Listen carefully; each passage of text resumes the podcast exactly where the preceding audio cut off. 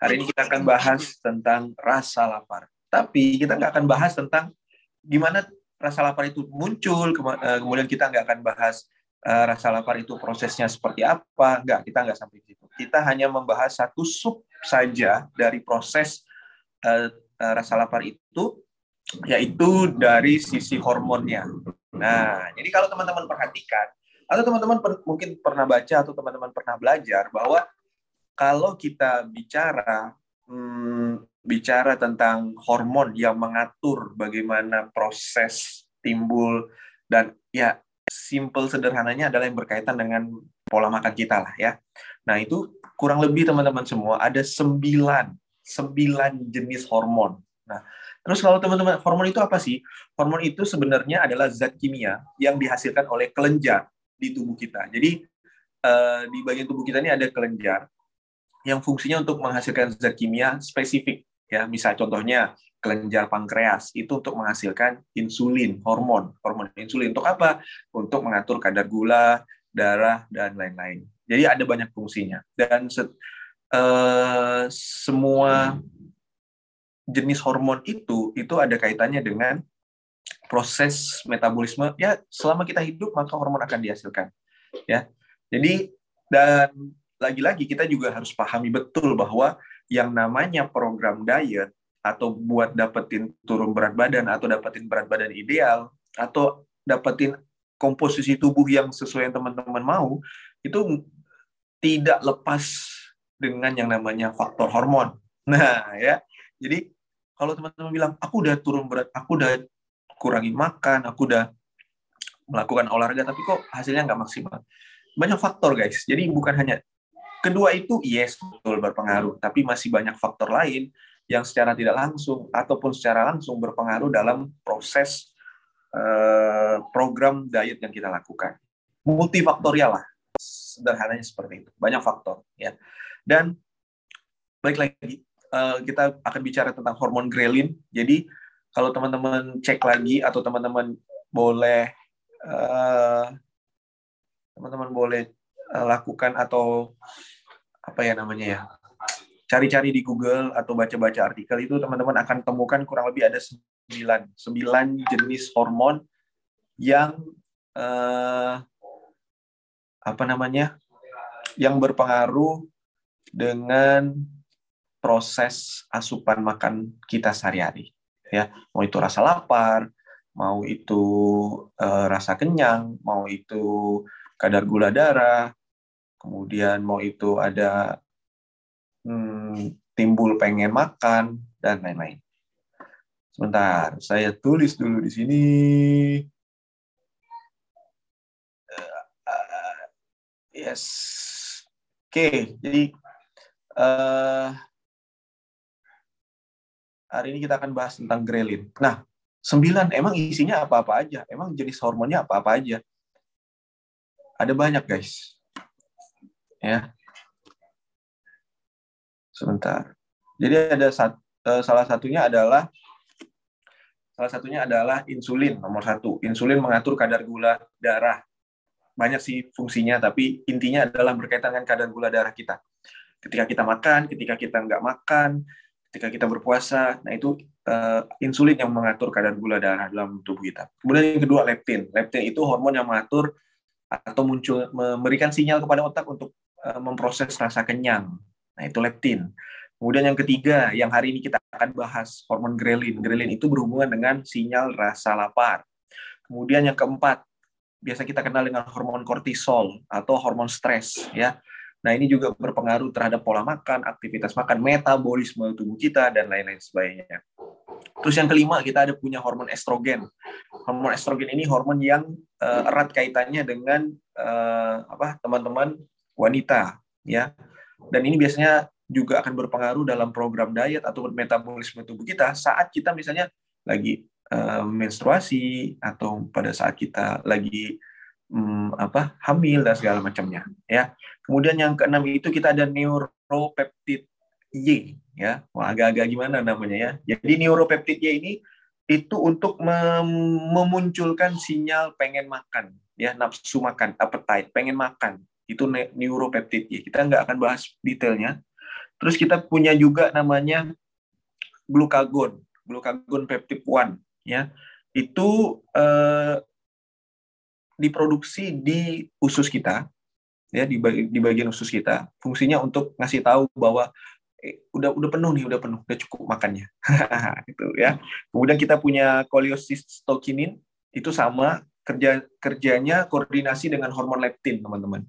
Jadi kalau hormon leptin tadi adalah hormon rasa kenyang, nah cholecystokinin itu kasih tahu ke leptin dan kerjasama bahwa udah cukup makannya. Dan yang terakhir adalah peptid YY. Jadi Y-nya ada dua. Kalau yang tadi di atasnya adalah neuropeptid untuk meningkatkan nafsu makan, meningkatkan appetite. Kalau di eh, kalau peptid YY itu untuk menurunkan appetite dan nafsu makannya kita.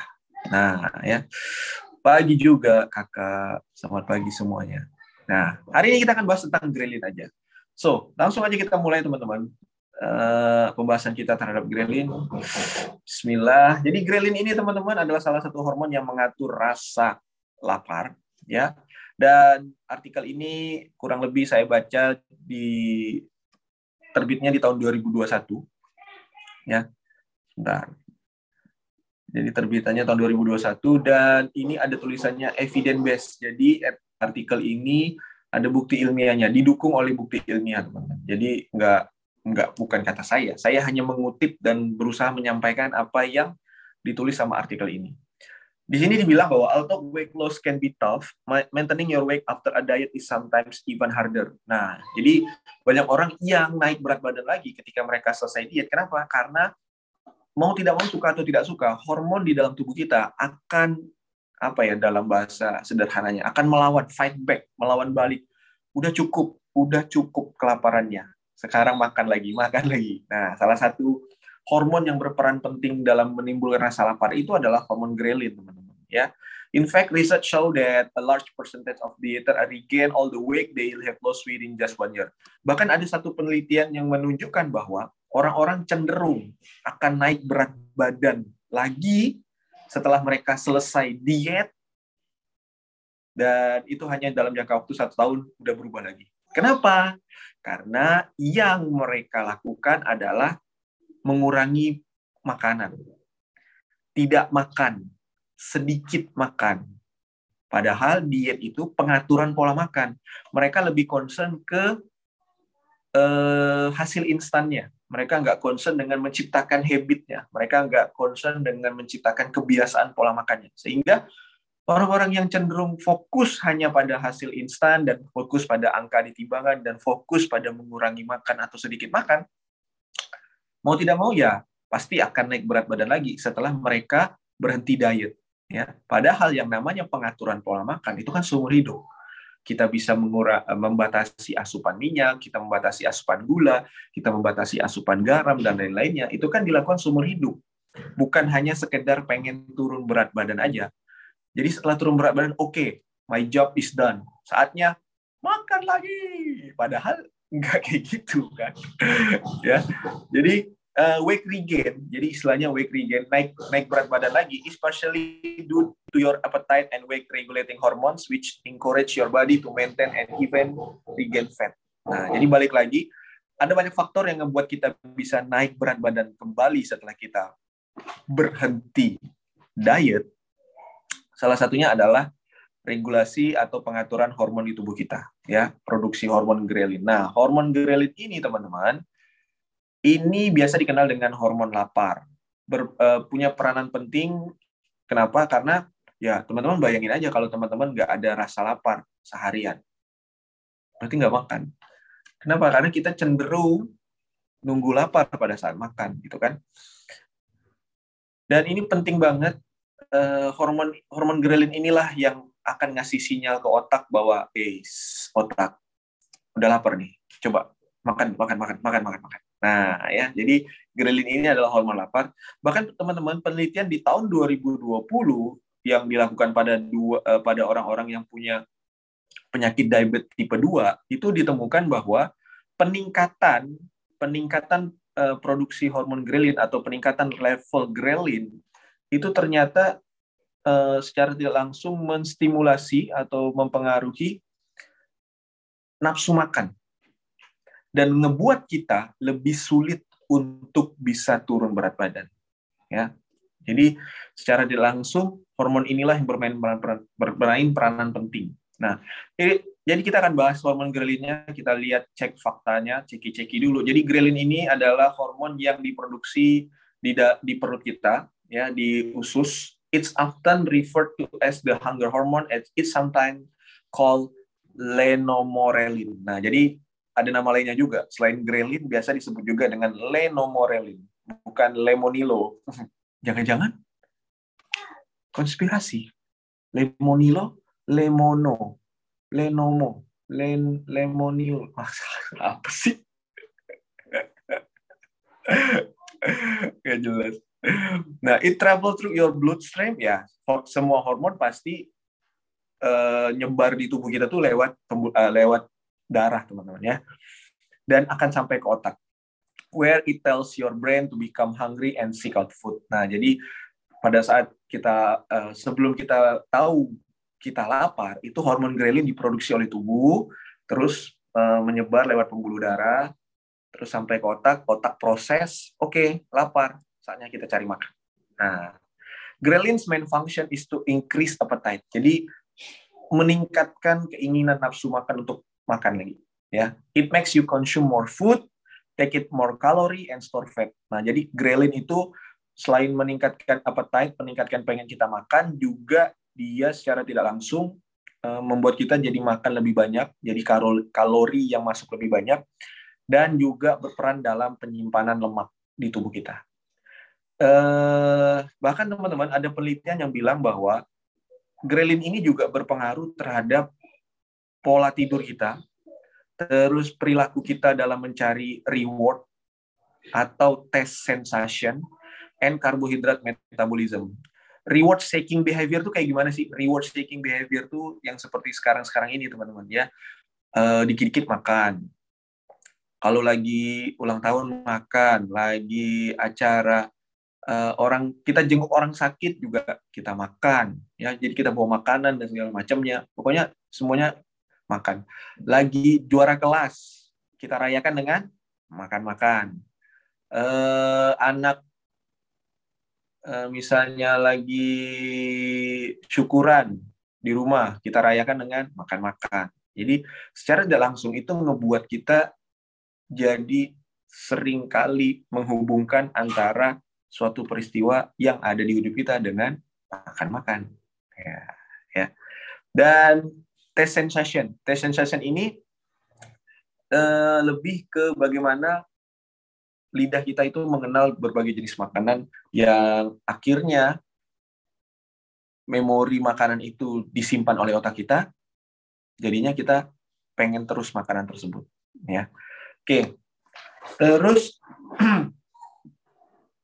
hormon grelin ini diproduksi di dalam perut kita, ya, di, di dalam perut kita dan dia akan diproduksi akan atau dikeluarkan ketika perut kita dalam kondisi kosong. Dan dia uh, hormon grelin ini akan masuk ke pembuluh darah dan affects a part of your brain called the hypothalamus. Jadi di bagian otak kita ada yang hanya yang namanya hypothalamus yang fungsinya untuk memproses sinyal dari grelin itu, ya, which help regulate your hormones and appetite. Semakin tinggi uh, semakin tinggi level grelin di tubuh kita, semakin lapar kita. Nah, The lower your level, the more full you feel and the easier it is to eat fewer calorie. Jadi semakin lapar, semakin tinggi level grelin. Semakin rendah level grelin, semakin kita nggak lapar. Nah, jadi tapi apa hubungannya dengan program turun berat badan? Nah, hari ini kita akan bahas gimana caranya supaya kita bisa jaga nih level hormon grelin di tubuh kita supaya nggak terlalu berlebihan dan efeknya adalah kita jadi kenyang lebih lama. Nah, itu kan yang kita mau. Kenyang lebih lama, bukan kuat-kuatan nahan lapar, guys. Ya.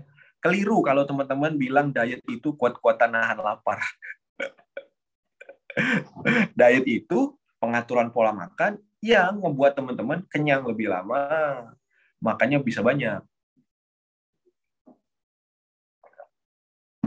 Oke, okay, so tapi grelin ini nggak nggak nggak jelek. Grelin ini butuh dan sangat diperlukan oleh tubuh, nggak jelek.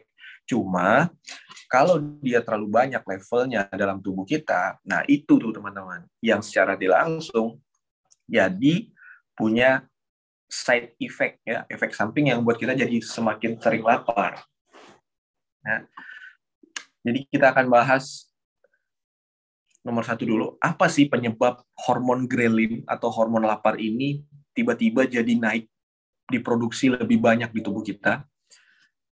Grelin itu levelnya akan cenderung meningkat sebelum kita makan. Ya iyalah, karena kan dia ngasih tahu kita lapar ya.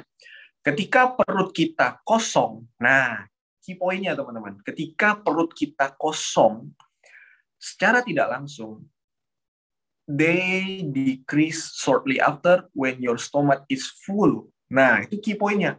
Kalau perut kita kosong, hormon grelin akan diproduksi lebih banyak. Kalau perut kita itu, lambung kita itu masih terisi, grelin akan diturunkan levelnya. Berarti Itulah sebabnya jangan biarkan perut kamu kosong. Bukan sedikit-sedikit makan, tapi makan sedikit-sedikit. Kalau kita ini kan sedikit-sedikit makan. Jam 7 makan, sarapan. Nanti jam 8.30 nongki sambil ngopi, makan. Makan kue, makan cake. Nanti jam 10, jam 11 katanya cemilan pagi, gorengan. Nanti jam 11 menjelang menjelang makan siang ada eh, apa appetizer, habis itu makan siang. Nanti sore makan lagi gitu kan.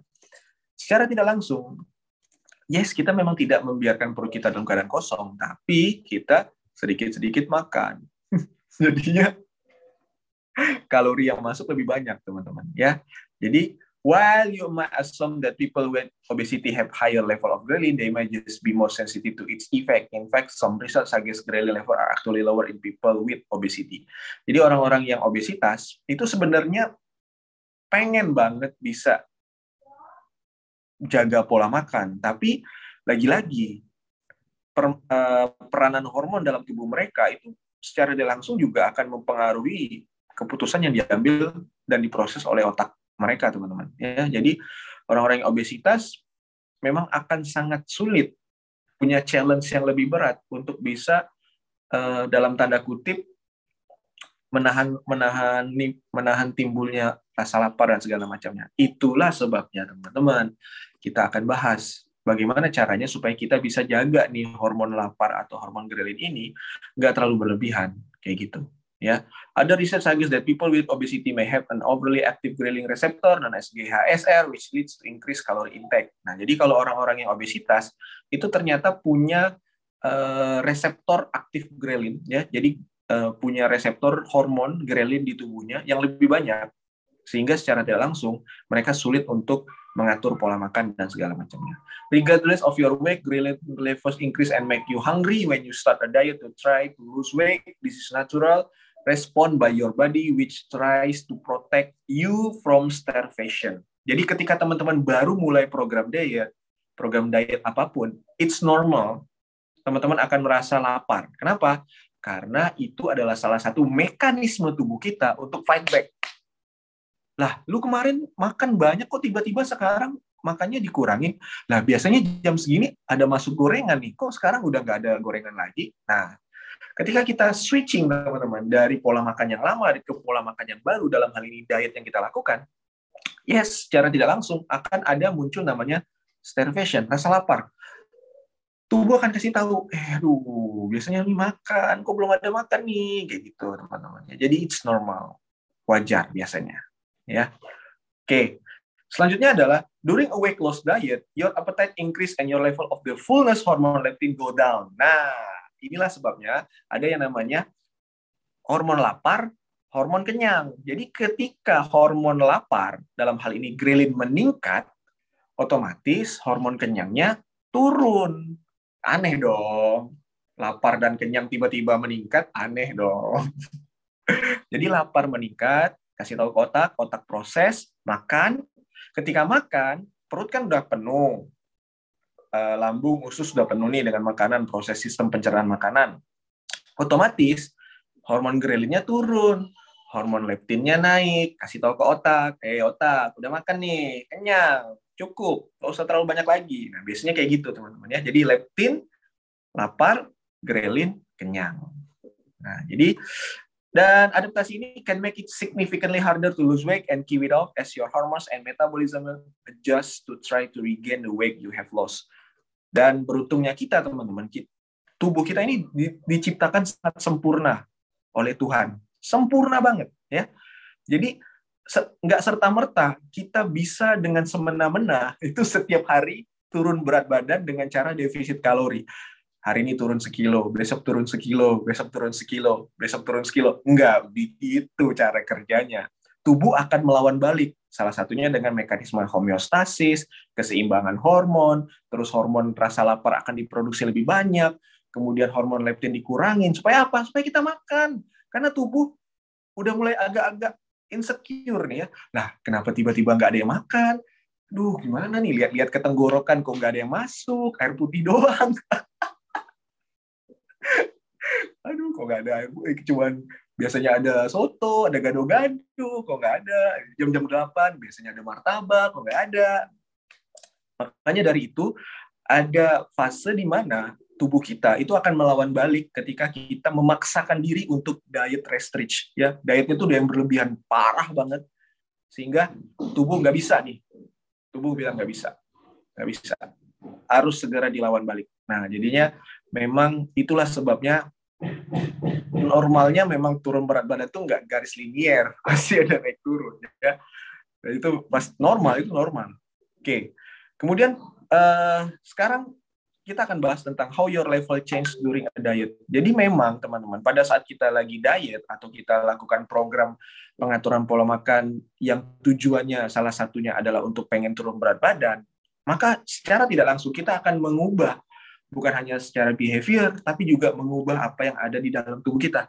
Metabolismenya, waktu makannya, kemudian prosesnya dan segala macam. Sehingga secara tidak langsung semuanya juga akan ikut terpengaruh ya.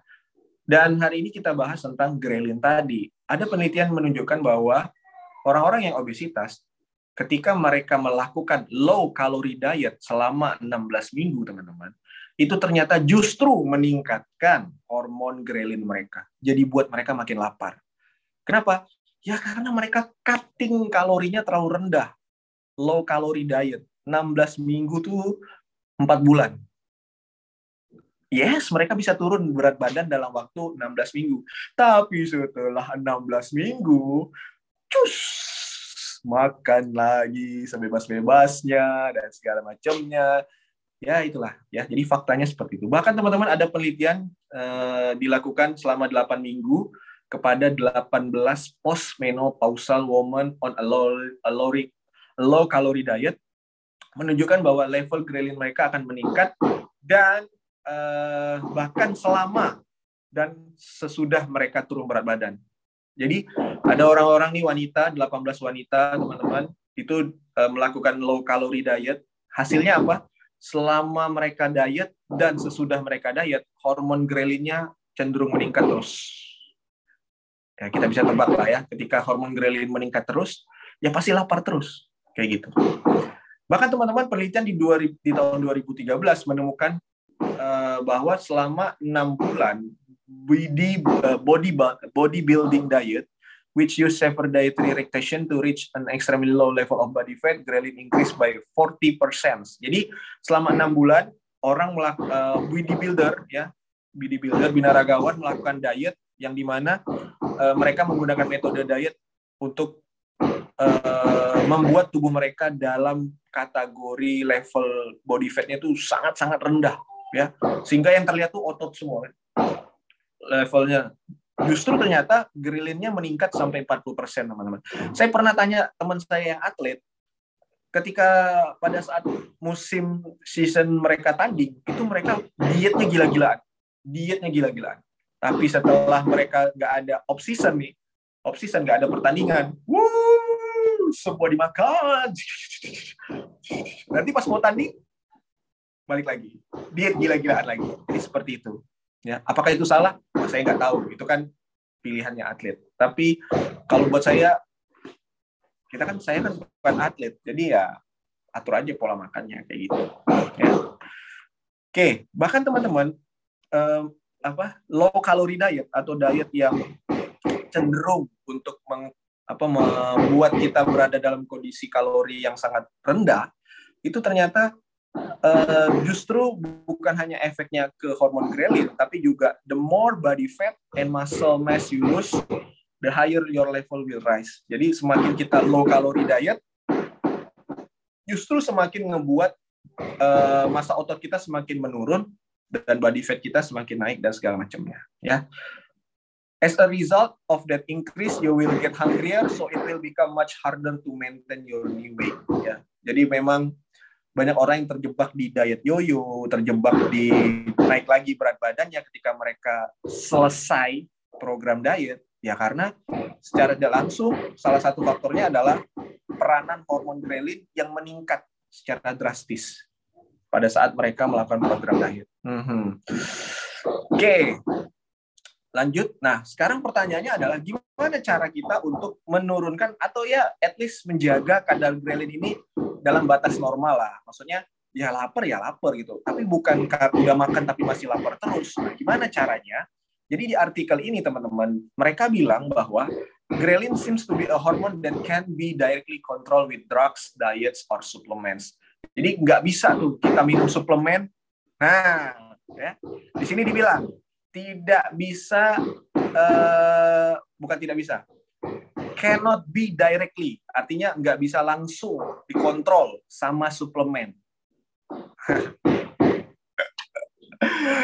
ya suplemen. Ya teman-teman bisa cek lah suplemen gimana. Kan ada suplemen-suplemen yang dari yang wow sampai yang wush, wah kan banyak tuh suplemen-suplemen kayak gitu. Teman-teman bisa cek sendiri.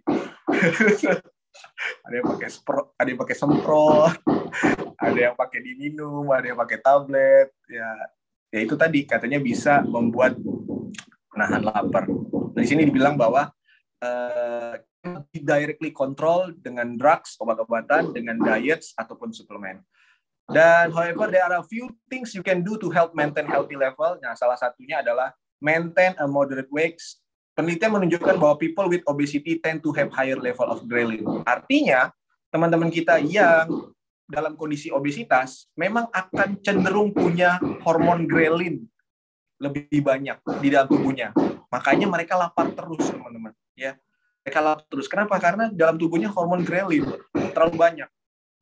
Bukan mereka nggak mau atur pola makan, bukan mereka nggak mau uh, disiplin dengan program dietnya, bukan mereka nggak mau konsisten. Mereka mau, tapi di dalam tubuh mereka hormon ghrelin ini lagi kenceng-kencengnya.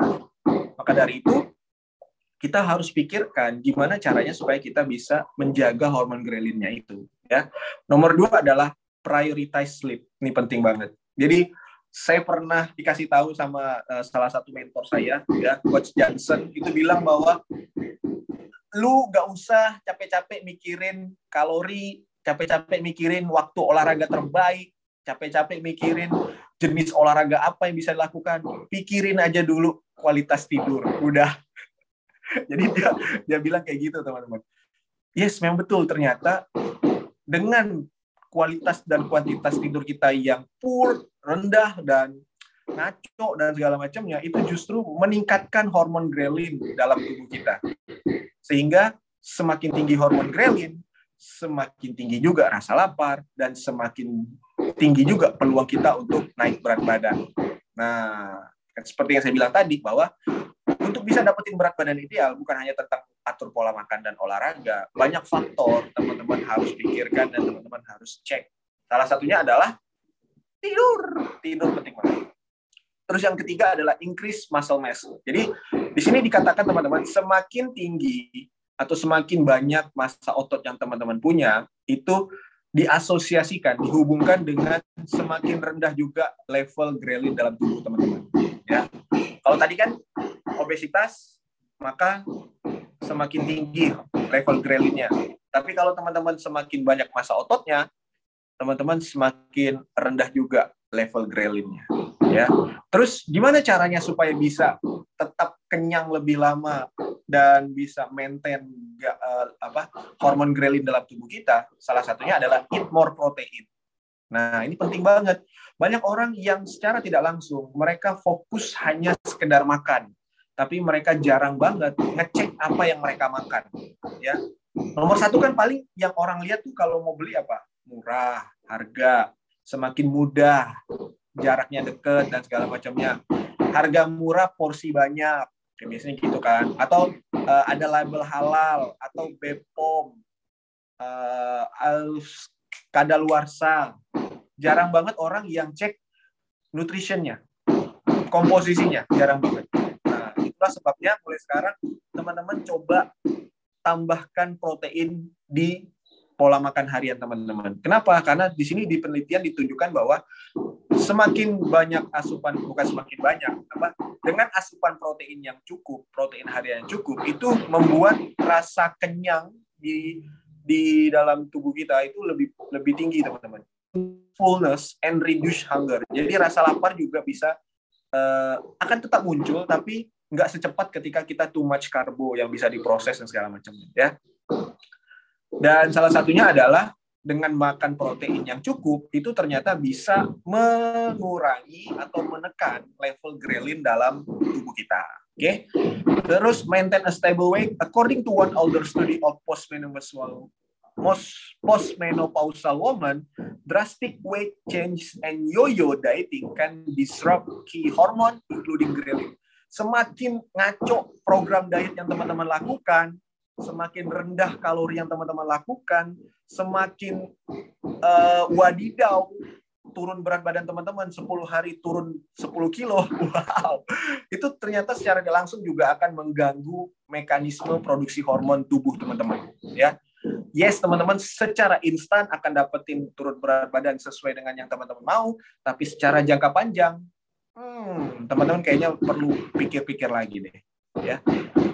Dan intinya adalah bottom line-nya teman-teman, ghrelin is a very important hunger hormone. Yes, ya namanya hormon nggak mungkin diproduksi kalau nggak ada fungsinya. Nggak mungkin diciptakan oleh Tuhan kalau nggak ada manfaatnya. Tapi karena kita yang ngebuat dia hormonnya terlalu banyak, terlalu sedikit, itu yang jadi permasalahan, problemnya, teman. Ya. Jadi jangan tanya gimana cara ngirangin rasa lapar. Wow, nggak mungkin dong. Kita kan manusia. Masa, uh, masa ada yang nanya gimana cara ngilangin rasa lapar? Nggak mungkin lah rasa lapar dihilangin. Kita tetap butuh makan, guys. Ya, jadi kita tetap butuh yang namanya rasa lapar, rasa kenyang dan segala macamnya. Nah, jadi it plays a major role in hunger, appetite, and food intake. Ya, sekali lagi hormon ghrelin ini bermain peranan penting dalam rasa lapar, terus nafsu makan, pengen makan, dan bagaimana kita asupan makanannya. Because of this, it can have major effect in your success in reaching and maintaining a moderate weight. Ya, jadi semakin teman-teman tahu apa yang terjadi di tubuh teman-teman, semakin teman-teman paham mekanisme kerja tubuh teman-teman, teman-teman semakin paham juga bahwa it's normal. Jadi nggak nggak yang yang kayak baru timbang terus kok aku naik sih? Kok aku naik sih? Aduh ini gimana ya? Aku gimana ya? Enggak. Semakin kita tahu apa yang terjadi di dalam proses di dalam kita semakin tahu tubuh kita. Jadi oke okay, oke okay.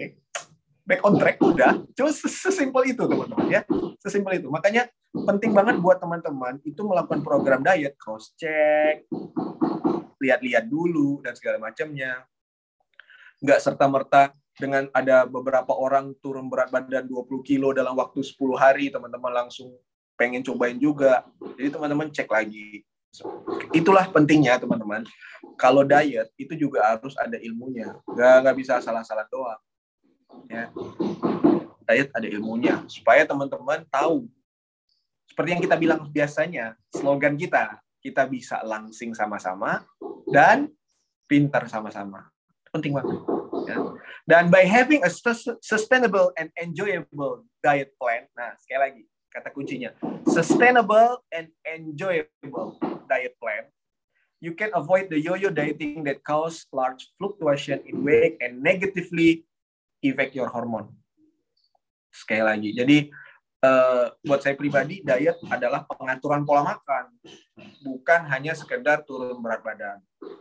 Kalaupun ada teman-teman yang punya perspektif bahwa diet adalah sekedar turun berat badan, maka teman-teman akan berhenti, akan ada titik berhenti dalam uh, program diet teman-teman. Setelah teman-teman udah selesai turun berat badan, terus teman-teman bilang, oke, okay, saya sekarang sudah tidak diet lagi. Uh, terus nanti naik berat badan lagi. Oke, saya mulai diet lagi. Gitu terus teman-teman ya. Jadi jangan sampai kita terjebak dengan yo-yo dieting atau diet restriction yang kalorinya luar biasa rendah dan segala. Oke. I think that's it's done teman-teman. Kita akan bahas next berikutnya lagi di pertemuan uh, apa nih? Oke, seperti biasa kalau teman-teman ada yang mau teman-teman tanyakan atau ada yang mau teman-teman request dan segala macam, teman-teman boleh request aja. Nanti kita akan bahas dan kita akan uh, coba searching beberapa artikel pendukungnya supaya apa yang kita sampaikan, apa yang kita bedah, apa yang kita ulas itu uh, ada dasarnya. Ya, oke teman-teman. Sini saya lihat ada pertanyaan, apakah diet menjamin berat badan menjadi turun? Enggak dong. Enggak juga, Bang. Jadi tergantung tujuannya, purpose-nya apa. Kalau misalnya eh, teman-teman kita yang diabetes, ada diet untuk diabetes, bahkan anak kecil ada diet, diet untuk mencegah stunting, diet untuk mencegah uh, mereka terkena penyakit, meningkatkan daya tahan tubuh. Every single one, semua orang itu melakukan diet sebenarnya. Atlet ada dietnya.